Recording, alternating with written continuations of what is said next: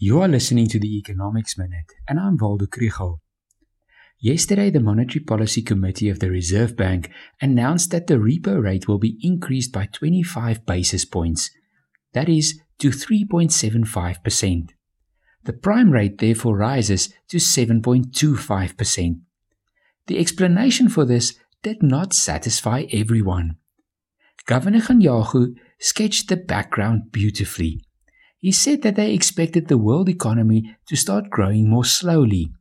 For South Africa, this means weaker commodity prices and a smaller demand for our export products. He explained that there is uncertainty about inflation abroad and the normalization of monetary policy. In other words, uncertainty about rising interest rates in the US and Europe.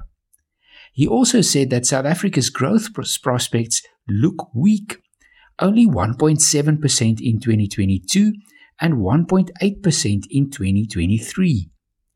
They expect that limited job creation will moderate household consumption and that investment will remain constrained by load shedding and uncertainty.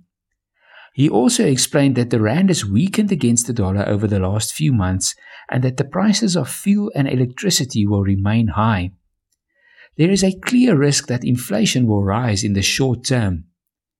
A survey of inflation expectations shows an expected rate of 4.4% in 2022.